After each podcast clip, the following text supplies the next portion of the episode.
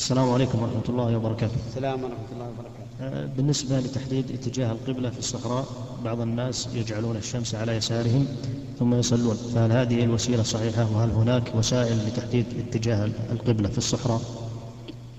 آه، كيف في أي محل هم؟ هل هم مثلا هنا في القصيم؟ أي صحراء يا شيخ؟ طيب. أي صحراء؟ ما يصح. إذا قدرنا أنهم في الشام. كيف يجعلون الشمس على على يسارهم؟ هم في أي مكان يا شيخ يجعلونها على يسارهم؟ لا لا غلط. هذا غلط كبير.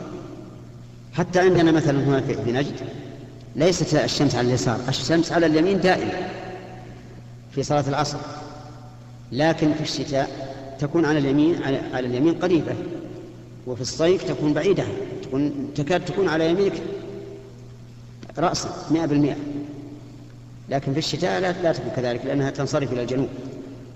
أما في في في الظهر فالظهر في الصيف عند طول عند انتهاء طول النهار تكون على على على رأسه على رأسه عند الزوال.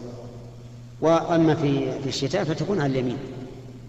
تكون على يمينك أين هنا في نجد ويختلف أيضا نجد بالنسبة للجنوب منها والشمال منها والوسط منها.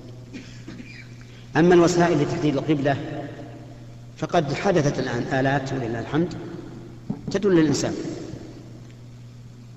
آلات مرقمة بأرقام معينة وآلات مركبة على خطوط الطول والعرض وغير ذلك ومتنوعة.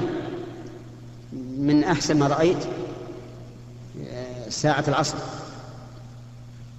ساعة تسمى ساعة العصر تدلك على أوقات الصلوات. وعلى القبلة لكن لها برنامج يحتاج, يحتاج الإنسان إلى معرفته فهي تدل على القبلة. نعم.